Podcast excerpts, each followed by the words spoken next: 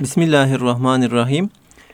Kıymetli Erkam Radyo dinleyenlerimiz bir İlmihal Saati programı ile tekrar sizlerle birlikteyiz. Yüce Rabbimize hamdü senalar olsun. Allah'ın selamı, rahmeti ve bereketi hepimizin üzerine olsun inşallah. Sizlerden bize ulaşan soruları değerli hocamız Doktor Ahmet Hamdi Yıldırım Bey cevaplandırıyor. Muhterem hocam, kişi imanını kaybedip kaybetmediğini nasıl anlar? Ben küfre düşmekten çok korkuyorum. Acaba sık sık iman yenileme duası okusam mı diye düşünüyorum. Ama iman gidince nikah da gidiyor. Bu kez de diyorum iman yenileyerek imanımı kaybettiğime kanaat getirmiş olurum. Ama nikahsız yaşamaya devam ederek bunu normal görmüş ve yine küfre düşmüş olurum diyorum. İman yenilemezsem de ya kaybettiysem ve hiçbir şey yapmazsam imansız ölürsem diyorum. Kendimi çıkmazda hissediyorum. Vesvese diyecekseniz diyeceksiniz belki ama bu korkuları yaşamama rağmen hatalar yaptığım zamanlar oldu. Onların beni küfre düşürmüş olmasından korkuyorum. Önemsemezsem gaflette bulunmuş olurum diye korkuyorum. Çünkü bir yerde de küfre düşülünce önemsenmez ve hayata devam edilirse kalbin ne kadar imanla dolu olursa olsun ameller kabul olunmaz diye okumuştum. Bu durumlardan nasıl kurtulabilirim diye bize soruyor bir dinleyicimiz. Evet, elhamdülillahi rabbil alemin ve salatu ve selamu ala Resulina Muhammedin ve ala alihi ve sahbihi ecmain. Kardeşimiz ehli iman bir kardeşimiz olduğu için iman ile ilgili endişeleri, korkuları var. Bütün müminlerde, Müslümanlarda bu korkunun olması zaten lazım, gerekir. Zira Cenab-ı Allah bize ve la temutunne illa ve entum muslimun diye emru ferman buyuruyor. Ancak Müslümanlar olarak ölünüz diyor. Buradan anlaşılıyor ki bugün Müslüman olup da yarın Müslüman olamayacak ve Allah muhafaza eylesin İslam sıfatı dışında bir sıfatla ölmüş olacak olanlar var. Yine bu kardeşimizin bu e, endişeleri, bu duyguları bize Hz. Peygamber aleyhissalatü vesselam Efendimizin çok sıkça yapmış olduğu bir duayı, bir istiazeyi, bir sığınmayı aklımıza getiriyor. Efendimiz Aleyhisselatü Vesselam sıklıkla Allahümme inni a'udu bike min en üşrike bike şey'en ve ene alem ve estağfiruke lima la a'lem inneke entel allamul guyub buyuruyor. Allah'ım bilmeyerek sana şirk koşmaktan veya bilerek sana şirk koşmaktan Allah'a sığınırım, sana sığınırım diyor. Sen beni bağışla, affet, sen gaybı bilensin, gaybı en iyi bilensin malinde. Efendimiz Aleyhisselatü Vesselam bilmeyerek, hata ile yanılarak şirke düşmekten, küfre düşmekten Cenab-ı Allah'a sığınıyor. Binaenaleyh böyle bir şey olması mümkün muhtemel ki Hz. Peygamber Efendimiz bundan Cenab-ı Allah'a sığınıyor veya bu tür dualarla bir farkındalık oluşuyor ve e, şirke karşı, küfre karşı bir dinç ve dinamik olma durumu, farkında olma durumu meydana geliyor. E, bütün Müslümanların bu kaygıyı, bu endişeyi taşımaları gerekir. Fakat endişe bir müddet sonra vesveseye dönerse kaygı yerini işte kaygı hastalığı diye tanımlanan bir e, vesvese haline dönüşürse o zaman e, ciddi sıkıntılar başlar. Bu sıkıntıları bertaraf etmek için de Aleyhisselatü Vesselam Efendimizin tavsiyeleri bizlere var. Bir mümin kesinlikle mümin olduğuna iman etmeli. Hiçbir tereddüte mahal bırakmayacak şekilde Allah'a imanının tam olduğunu bilmeli. İman kalbe yerleşmiş olan bir nurdur. Öyle kolayına çıkıp gitmez. İman gittiği zaman zaten bu tür duygular kişide bulunmaz. Yani imanı kaybolmuş, gitmiş, yok olmuş olan kimseler onlar imanla ilgili bir endişe taşımazlar. İmansızlıkla ilgili bir endişe, bir şüphe taşımazlar. Aksine onlar kendilerini haklı görürler, kendilerini doğru yolda görürler ve kendilerinin olması gereken bir şekilde davrandıklarını düşünürler.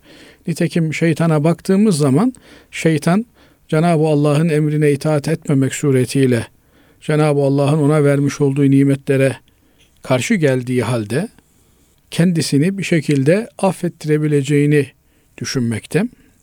Nitekim Haşr suresinde insanları yoldan çıkartmak için insanlara musallat olduğu, birine kafir ol diye musallat olduğu, o kafir olduktan sonra da dönüp ona İnni ahafullah rabbel alemin.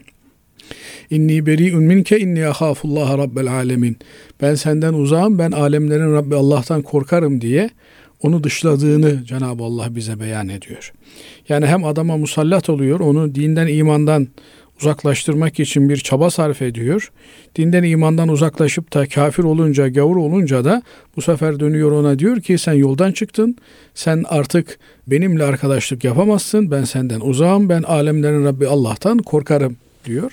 Demek ki şeytan da kendisini bir tür doğru yolun yolcusu olarak görüyor. Sonunda tövbe edeceğini, sonunda işte güneş e, batıdan doğmadan, tövbe kapısı kapanmadan tövbe edebileceğini ve cenneti kazanabileceğini düşünüyor. Binaenaleyh bu kardeşimize şu müjdeyi verebiliriz. Çok net bir şekilde bu endişe kendisinde olduğu sürece bu kaygı vesveseye düşmemek kaydıyla tabii. Yani şimdi adım attım dinden mi çıktım, sağa döndüm dinden mi çıktım, sola döndüm dinden mi çıktım diye Allah muhafaza etsin. Bazen vesveseye kapılan, düşen arkadaşlarımız, kardeşlerimiz oluyor. Bunların e, uzmanlara gidip muhakkak surette tedavi olmaları gerekiyor. Ama böyle değil de hakikaten ben yanlış bir şey yapıyor muyum diye insanın kendisini kontrol etmesi, bu noktada uyanık olması, sorgulaması onun dini ile ilgili bir problem olması şöyle dursun, dini açıdan ne kadar sağlam olduğunu gösteren bir delildir. Bu kardeşimizin imanı sağlam olduğunun alameti bu tür vesveselerle, bu tür ilhamlarla şeytanın ona yaklaşıyor olmasıdır. İman kalben tasdik, dil ile ikrar demektir. Kalben Allah'ın varlığını, birliğini, ve Allah'ın iman edilmesini emrettiği şeylerin varlığını ve onlara iman etmenin gerekliliğini kabullenmektir, tasdik etmektir. Dil ile de bunu ikrar etmektir. Asıl olan kalb ile bunu kabullenmek, kalpten buna teslim olmaktır. Allah'tan başka ilah olmadığına, Muhammed Mustafa sallallahu aleyhi ve sellem Efendimizin Allah'ın kulu ve elçisi olduğuna iman etmek. Kelime-i şehadet getirmek. Bu ikrarda bulunmuş olan bir kimse, bu hakikati kabul etmiş olan, teslim etmiş olan bir kimse mümin demektir. Bunu lisanıyla, diliyle dile getirdiğinde insanlar nezdinde de mümin, Müslüman muamelesi görür.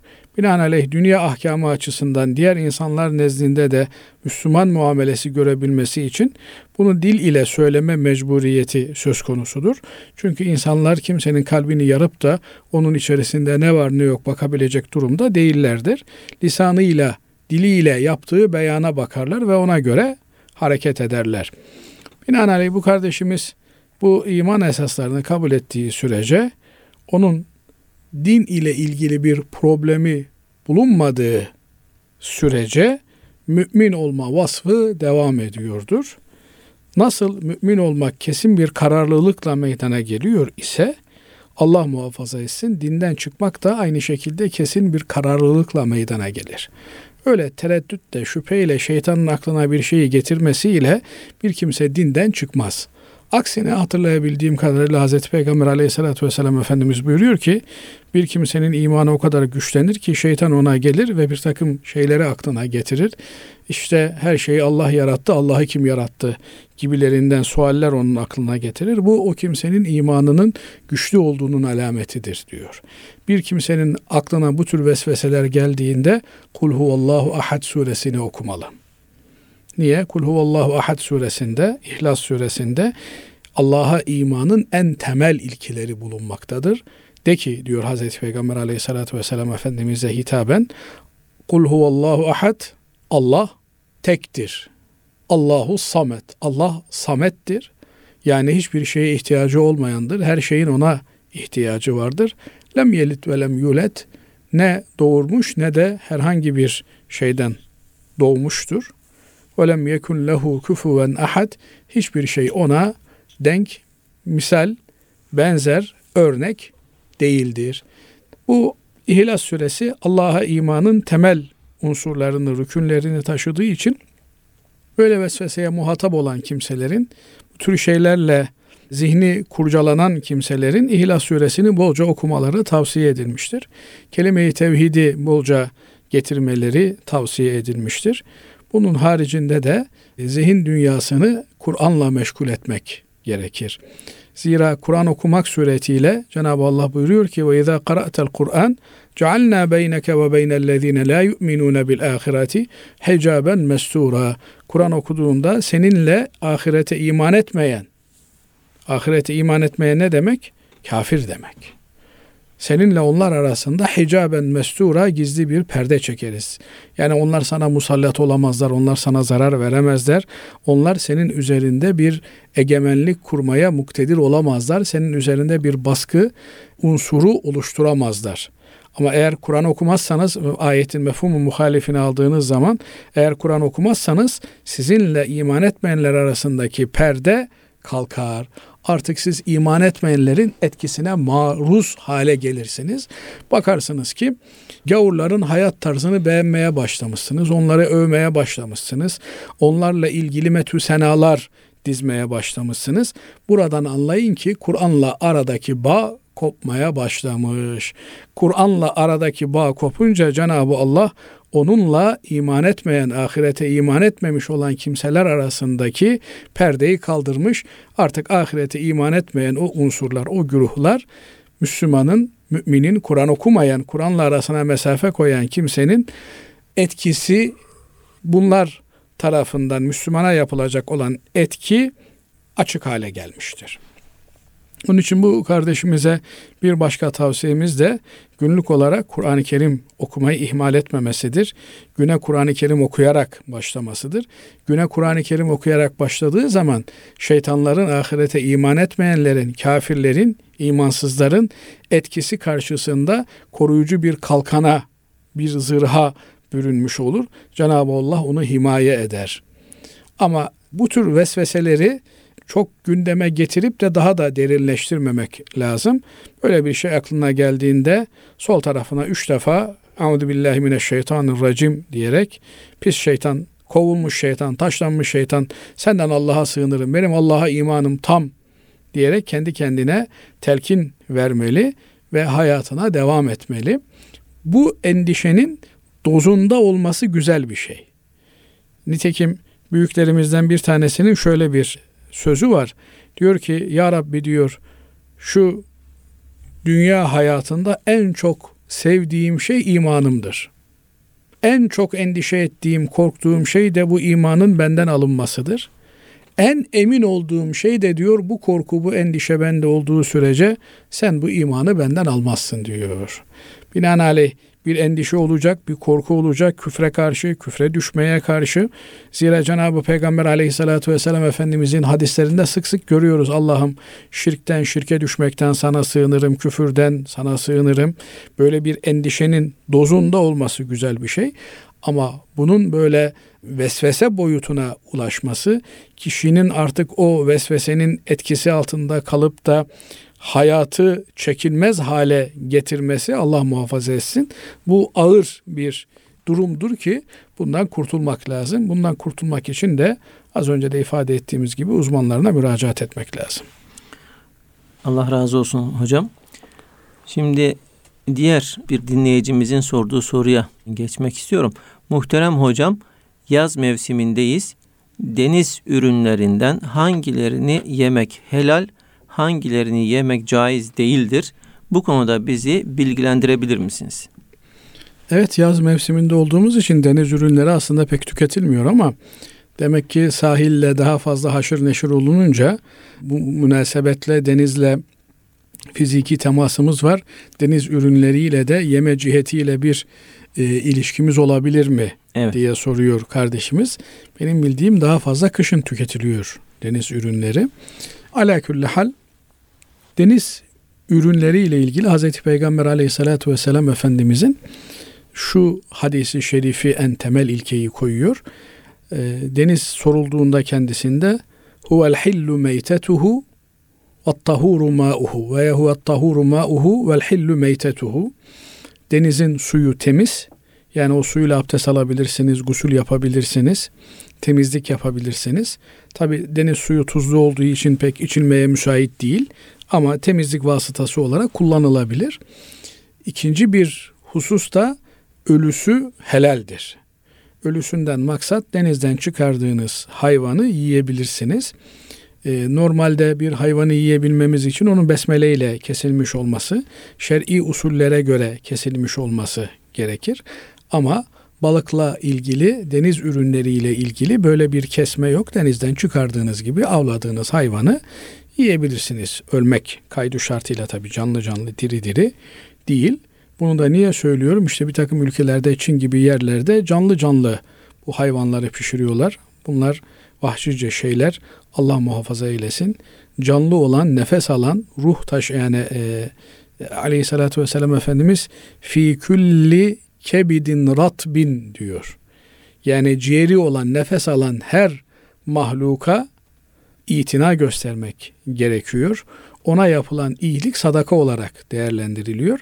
Binaenaleyh bu e, hayvana eziyet etmek, zulmetmek, işkence etmek, canlı canlı pişirmek Allah muhafaza eylesin. Bunlar eziyet olduğu için bunlar haram bizim dinimizde. Böyle yerlerde, böyle mekanlarda bulunmak da yani eziyetin yapıldığı yerlerde, mekanlarda bulunmak da doğru değil, caiz değil. Kardeşimizin sorusu deniz mahsullerinden hangisi yenilebilir?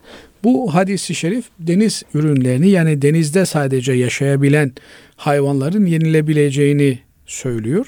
Diğer taraftan ayeti kerimeye baktığımız zaman ise aleyhissalatu vesselam Efendimiz için ayeti kerime diyor ki yuharrimu aleyhimul habais. Peygamber onlara çirkin olan, pis olan şeyleri haram kılar. Buradan hareketle Hanefi alimlerimiz diyorlar ki Hanefi mezhebinden olan alimlerimiz diyorlar ki deniz mahsullerinden iğrenç görünümlü olan, tiksinti uyandıran mahsullerin yeğilmesi caiz değildir. Çünkü ayeti kerime bunları Hazreti Peygamber'in haram kıldığını ifade ediyor. Burada tabi neyin çirkin, neyin iğrenç olduğunu tespit etmekte örfe müracaat ediliyor. Yani toplum o hayvanı yemeyi veya yememeyi nasıl karşılıyor, görüyor. Buna göre e, değerlendirme yapılıyor. Genelde Hanefi mezhebine mensup insanların yaşadığı ülkelerde, toplumlarda bildiğimiz deniz hayvanları içerisinde, mahsulleri içerisinde balık şeklinde olan, balık siretinde, suretinde olanlar problemsiz yenilebiliyor. Efendim neydi? Levrekti, çinakoptu, hamsiydi, istavritti, lüferdi vesaire filan bunlar yenilebiliyor. Ama deniz anası diyelim şimdi denizdeki bir mahsul, bir yaratık bu yenilebiliyor mu? Yani baktığınız zaman zaten e, zehirli bir şeye dokunmayın deniyor, temas etmeyin deniyor. Ya efendim bu da deniz mahsulüdür diye bu da yenilir mi? Yenilmez. Binaenaleyh burada örfün, toplumun e, telakkisi, bakışı önemli. Ama diğer taraftan Şafi mezhebi bu hususta daha geniş davranmış. Maliki mezhebi daha da geniş davranmış. Binaenaleyh bu gibi noktalarda yani mezhepler arasında ihtilafın olduğu noktalarda takınmamız gereken tavır ben şahsen yemem ama yine de niye yiyorsun diye müdahale etmem, etmem de doğru değil. Fakat biri bana soracak olursa Hanefi mezhebinde balık ve balık türevleri dışındaki işte efendim istakozdu vesaireydi, midye, e, midyeydi gibi hayvanların yenilmesi doğru değildir derim. Ama efendim Şafii mezhebinde şu hayvan yeniliyormuş, bu hayvan yeniliyormuş diyenlere de afiyet olsun ben yemiyorum size de müdahale etmem derim. Bu tür ihtilafta olan noktaları çok fazla gün yüzüne çıkartıp kaşımanın bir alemi lüzumu yok. Yiyene afiyet olsun, yemeyene de yemediği için bir zarar olacağını düşünmüyorum. Ha, burada belki şu farklılık olabilir. Efendim Endonezya ya da sahil kesimindeki insanlar e, bir takım e, istakozdu, vesaireydi hayvanları yemeği alışkanlık haline getirmişler. Onu bir e, iğrenç olarak değerlendirmiyorlar. Onlarla ilgili Hanefi mezhebi de bu noktada bunun yenilebileceğini e, söyler. Burada temel mesele bunların insana zararlı olup olmadığı meselesidir. Eğer zararlı olduğuna dair işte mesela az önce söylediğimiz evet. deniz anası türünden hayvanlar bunların zararlı olduğuna dair eğer bilimsel veriler elimizde varsa ki bunların da yüzde yüz böyle olduğuna dair olması gerekmiyor. Yani yüzde seksen, yüzde doksan, yüzde yetmiş bunun zararlı olduğuna dair bir kanaat varsa bunlardan uzak durmak gerekiyor. Ama öyle değil zararsız olduğu ve hatta yenilmesinin bir takım mineraller açısından, vitaminler açısından, şunlar bunlar açısından faydalı olduğu söyleniyorsa bunlar da yenilebilir. Evet. Bize ulaşan diğer bir soru da şöyle e, değerli hocam. Dinimize göre tatil yapmanın ölçüsü ne olmalıdır? Evet, tatil kelimesi aslında kelime olarak çok uygun bir kelime değil. Tatil boşa çıkmak demek veya boşa çıkartmak demek. Yani insanın atıl kalması, hareketsiz kalması, işsiz güçsüz kalması anlamına geliyor. Binaenaleyh böyle bir işsiz güçsüz kalma veya işte rutin olarak yaptığınız sıradan işleri terk etme türünden bir tatil anlayışı bizim kültürümüzde söz konusu değil. Aksine bizim kültürümüz tatil olarak nitelendirilebilen bugün için tatil olarak nitelendirilebilen e, şeyi bir işten başka bir işe geçmek olarak değerlendiriyor. Yani tebdili heva deniyor mesela bizde eskilerin ifadesiyle. Te, e, askeri ifadeyle tebdili hava verdiler. Yani biraz hava alsın gelsin bir değişik ortamda bulunsun. Onun için mesela farklı bir işe ne yapıyordunuz? Bir fabrikada çalışıyordunuz diyelim veya bir müessesede vazife görüyordunuz. Yılın 11 ayı. Bir ay ne yapıyorsunuz? Sıla-i rahim yapıyorsunuz. E, memleketinize gidiyorsunuz, akrabalarınızı ziyaret ediyorsunuz. Efendim ne bileyim Trabzonlu, Rizeliyseniz çay toplamaya gidiyorsunuz, fındık toplamaya gidiyorsunuz. Farklı bir işe dönmüş oluyorsunuz. Evet siz belki e, senenin diğer aylarını geçirdiğiniz iş noktayı nazarından o işi yapmıyorsunuz. O iş açısından boşa çıkıyorsunuz, tatildesiniz ama bir başka vazifeyi yerine getiriyorsunuz, deruhte ediyorsunuz. Bu aslında sizin yenilenmenize daha büyük katkı sağlayan bir unsur. Şimdi en büyük e, problemlerimizden bir tanesi tatili işte ayaklarımı uz, uza, uzatarak hiçbir iş yapmamak olarak değerlendiriyoruz. Bu çok yanlış bir şey. Bu insan fıtratına aykırı bir şey. Daha sonra e, çalışma periyoduna döndüğümüz zaman ciddi zorluklarla karşılaşıyoruz. Ama ayeti kerime e, İnşirah suresi fe izâ faragte fansab ve ila rabbike fergab buyuruyor. Fe izâ faragte boşa çıktığında fansab yorul. Yani başka bir hedef koy önüne. Bir meşguliyet koy. Seni dinlendirebilecek rutinin dışına çıkıp seni dinlendirebilecek bir hedef koy önüne. Ona çalış. Mesela ben öyle kardeşler biliyorum. E, iki ay izin alıyor, hafızlık yapıyor. Efendim bir ay iznim var. Ben bu bir ay izni dini tedrisatımla ilgili kendimi geliştirmeye vakfedeceğim diyor. Veya işte bir ay izin alıyor. Ben bu ay bir ay izinde e, gideceğim annemin yanında dizinin dibinde bulunacağım. Anneme hizmet edeceğim diyor. Binaenaleyh bu tatil kavramını boşa çıkmak, iş görmemezlik olarak algılamak yerine bir işten bir başka işe kanalize olarak anlamak lazım. Her işte de ve ila rabbike fergab Rabbine koş. Rabbine fer, e, rağbet et. Binaenaleyh e, Allah'ın rızasını tahsil edebileceğimiz, Allah'ın rızasını kazanabileceğimiz bir iş değişikliğine gitmemiz lazım. Yani tatili boşa çıkmak, iş görememezlik olarak anlamak değil, bir e, işten bir başka işe kanalize olmak, yönlenmek anlamına alırsak bu hem dünyevi açıdan hem de ahiretimiz açısından bize kazanç getirecek bir olay olmuş olur. Müslüman Farz edelim ki işte tatil kavramı bugünkü şekliyle anlaşılıyor. Normal hayatında Müslüman tatilde e, gayrimüslim olacak hali yok, gavur olacak hali yok. Normal hayatında Müslümanlık neyse tatilde de Müslümanlık odur. Efendim deniz kenarına gittin diye oradaki açık saçıklık mübah hale gelmez. Binaenaleyh eğer orada e, İslam'ın haram kıldığı e, bir manzara söz konusu olacaksa oralara gitmek zaten caiz değil efendim tatile gidiyoruz diye açık büfelerde aşırı yemeler söz konusuysa e, oralara gitmek zaten caiz değil. Dolayısıyla İslami tatil diye besiye çekilme anlayışı türünden bir anlayış yok. Ha İslami tatil denilen şey tırnak içerisinde eğer bir değişim meydana getirecekse buraları birer ilim yuvaları haline getirmek lazım. Müslümanların birbirleriyle kaynaşacağı, dertleşeceği, gündemler oluşturabilecekleri bir istişare meclislerine dönüştürebiliyorsak o zaman İslami anlamda bir hava değişikliği, bir tebdili heva meydana gelebilir. Bu yönüyle de Efendimiz Aleyhisselatü Vesselam'ın ümmetimin seyahati cihattır malinde bir sözü e, Efendimiz'e ait değilse de kelamı kibar olarak naklediliyor.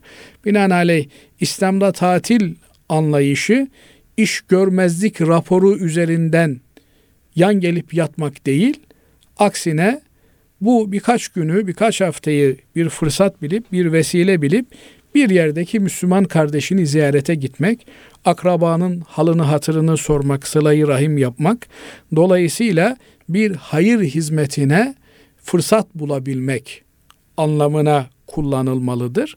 Bu yönüyle değerlendirilmelidir. Hakikaten her Müslümanın bu açıdan bir gündeminin olması gerekir. Ben bu birkaç günlük normal rutin işinden aldığım izinle ne tür bir hayır yapabilirim diye kendine bir program çizmeli ve bunun çerçevesinde hareket etmeli. Bu e, efendim bedenen sıkıldığında temiz bir ortama gidip efendim tenezzüh etmesine, temiz hava çekmesine mani bir durum değil.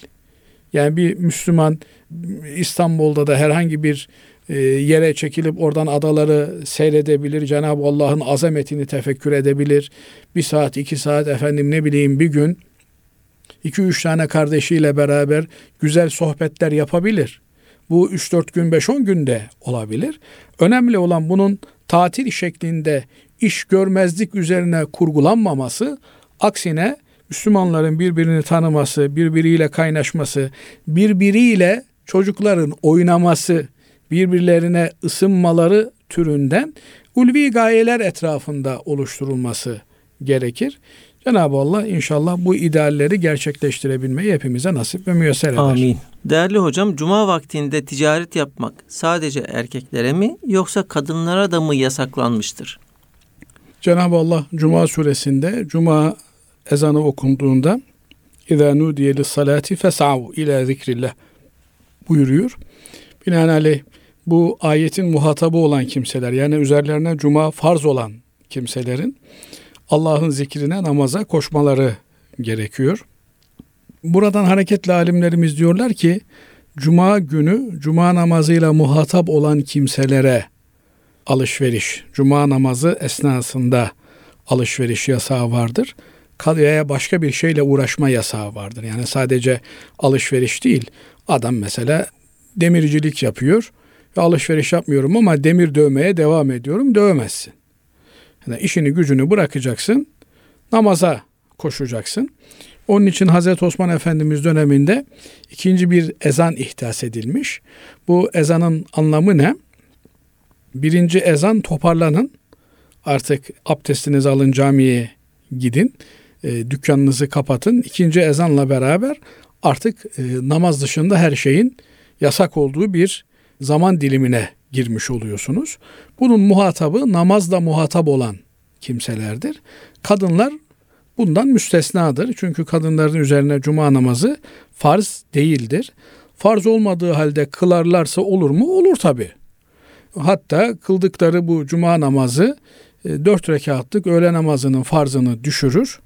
İki rekat cuma namazı ile beraber öğle namazını da kılmış sayılırlar. Ama erkeklere farz olan cuma namazı kadınlar açısından farz değildir. Peki sünnet midir? Ee, sünnet midir, müstehap mıdır meselesine gelince elbette cemaatle namazı kılmak cemaatsiz olarak kılınan namaza göre 27 derece daha faziletlidir, daha sevaptır. Cemaat sevabı kadınlar için de erkekler için de aynıdır. Yani erkekler kılarlarsa 27 kat sevap alırlar.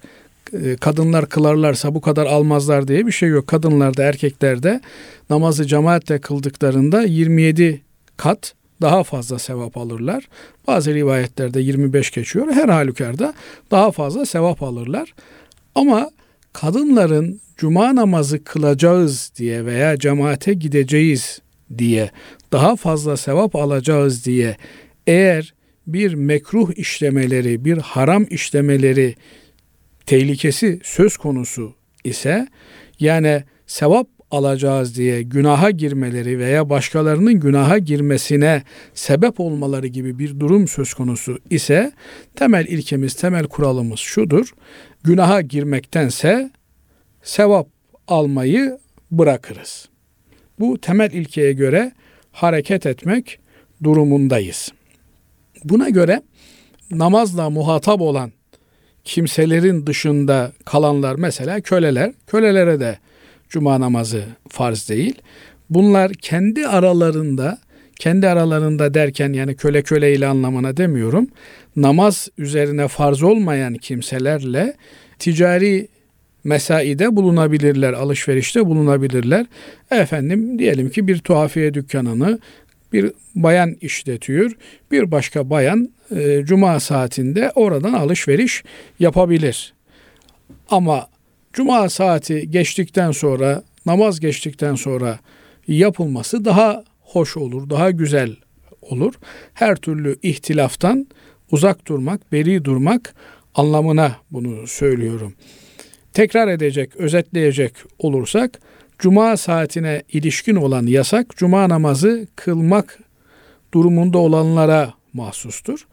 Bunlar kendi aralarında namazın dışında bir iş yapamayacakları gibi namaz kılma muhatabı olan namaz kılması gerekenler ile namaz kılmama ruhsatına sahip olanlar veya üzerlerine namaz vacip olmayanlar arasında da olamaz. Mesela bir kadın bu saatte cuma kılması gereken bir e, satıcı erkekten alışveriş yapamaz. Efendim cuma saatinde evine sucu gelmişse o suyu alamaz. Niye? Çünkü o adamın su getirmek değil o saatte namaz kılmak mecburiyeti vardı. Binaenaleyh namaz kılma mecburiyeti olan, namaz mükellefi olan kimselerle cuma saatinde herhangi bir teşriki mesai de bulunmak doğru değil. Hatta ve hatta bazen mesela hanımlar e, toplu taşıma araçlarına biniyorlar. E, cuma saati adam araba kullanıyor. O kullandıkları arabalarda bulunmaları da doğru değil.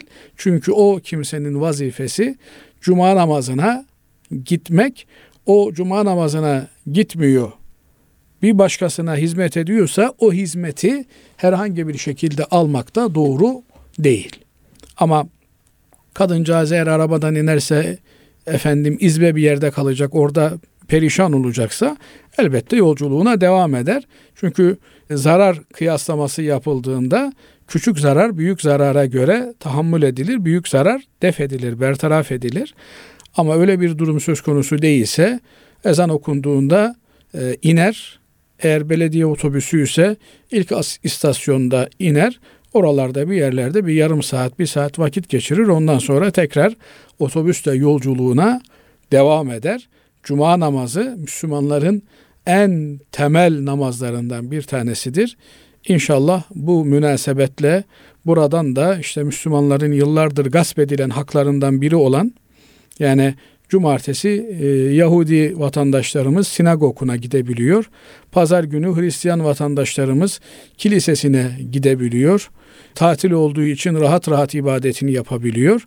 Ama cuma günü e, bu memleketin öz insanları dinlerinin üzerlerine farz kıldığı cuma namazını maalesef çoğu zaman kaçak göçek kılmak durumunda kalıyorlar.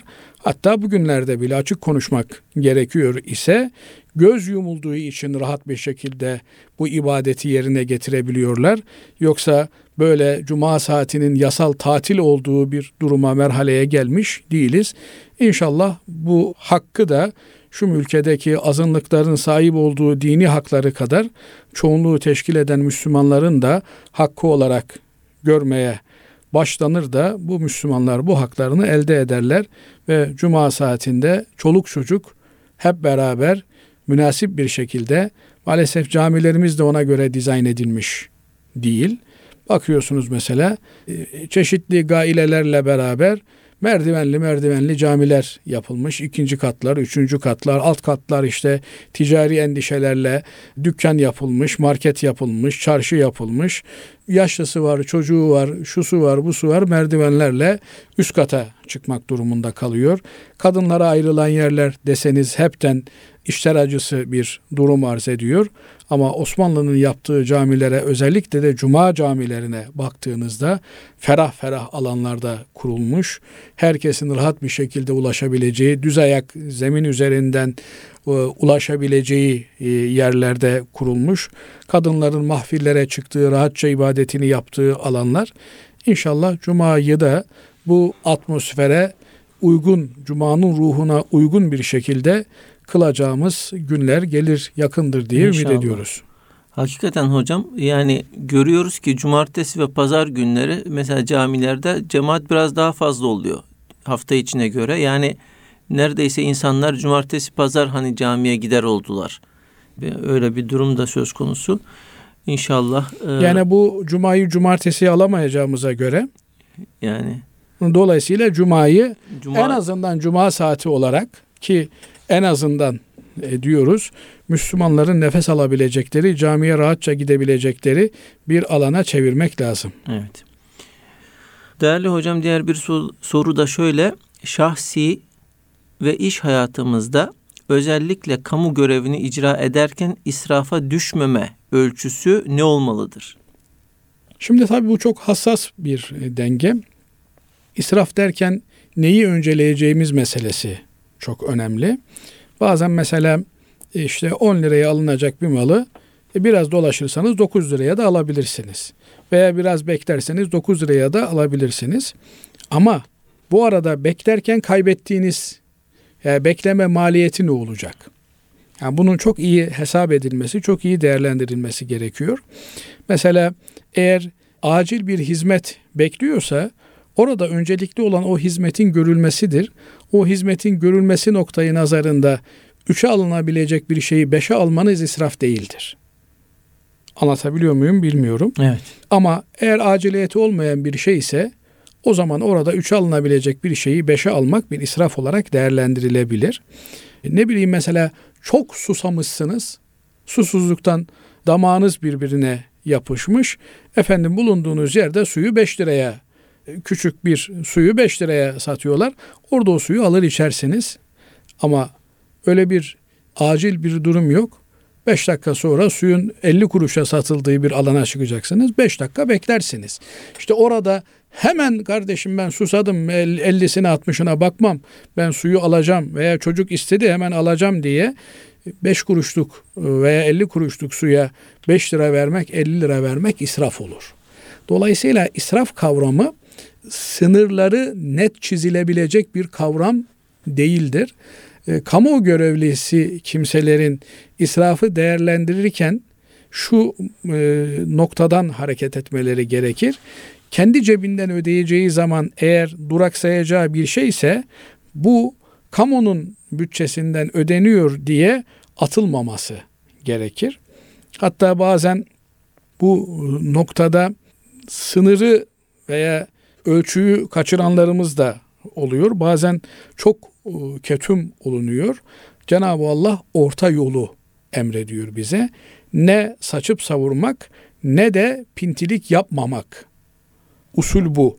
Dolayısıyla burada da ölçüyü vicdanımız koyacak. Bozulmamış olan vicdanımız koyacak.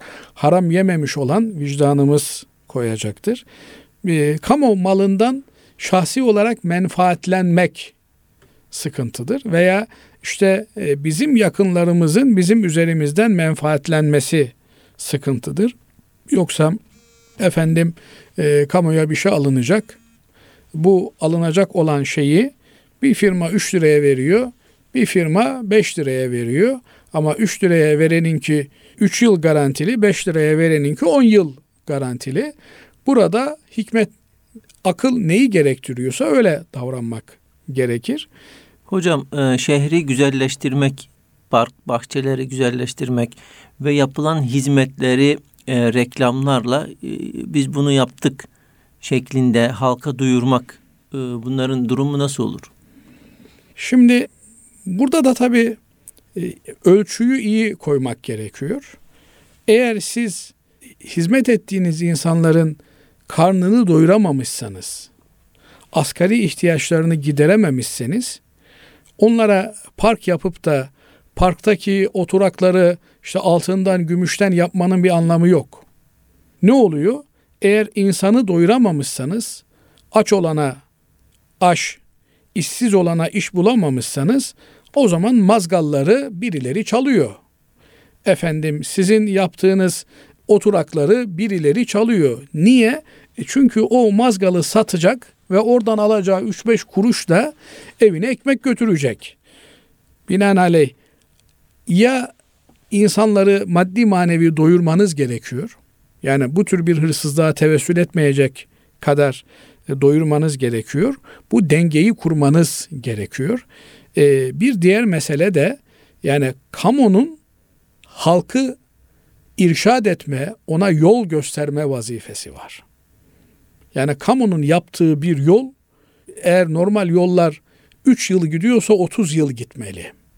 Yaptığı bir peyzaj düzenlemesi 30 yıl gitmeli.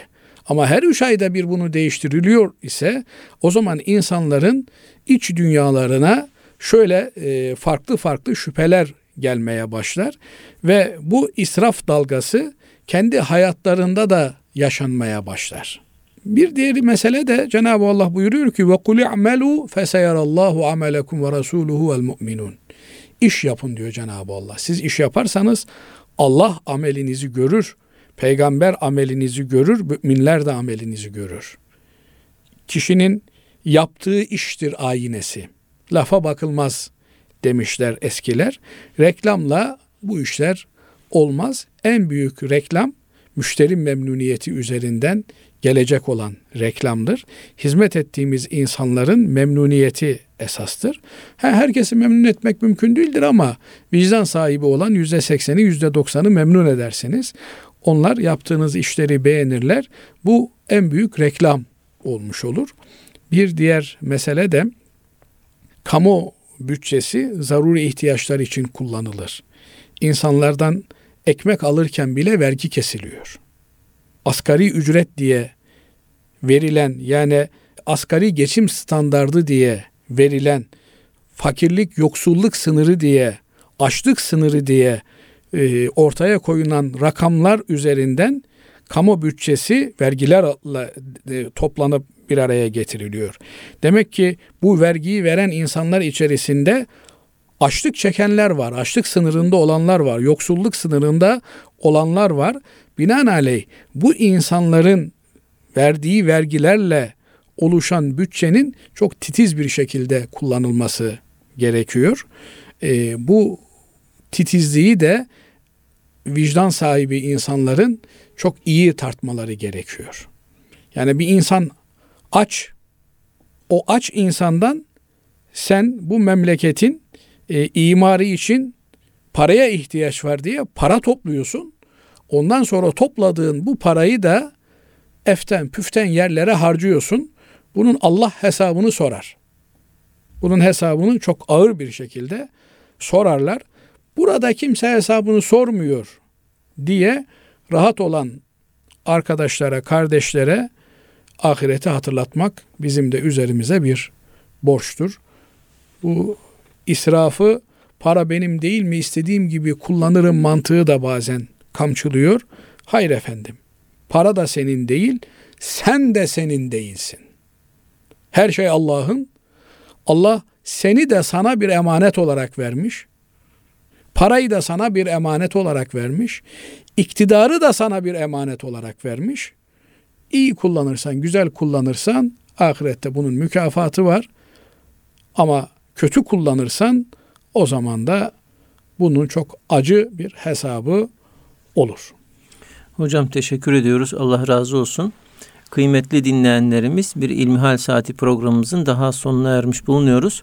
Sorularınızı ilmihalsaati.erkamradyo.com adresine gönderebileceğinizi hatırlatıyoruz. Hepinizi Allah'a emanet ediyoruz efendim. Hoşçakalın.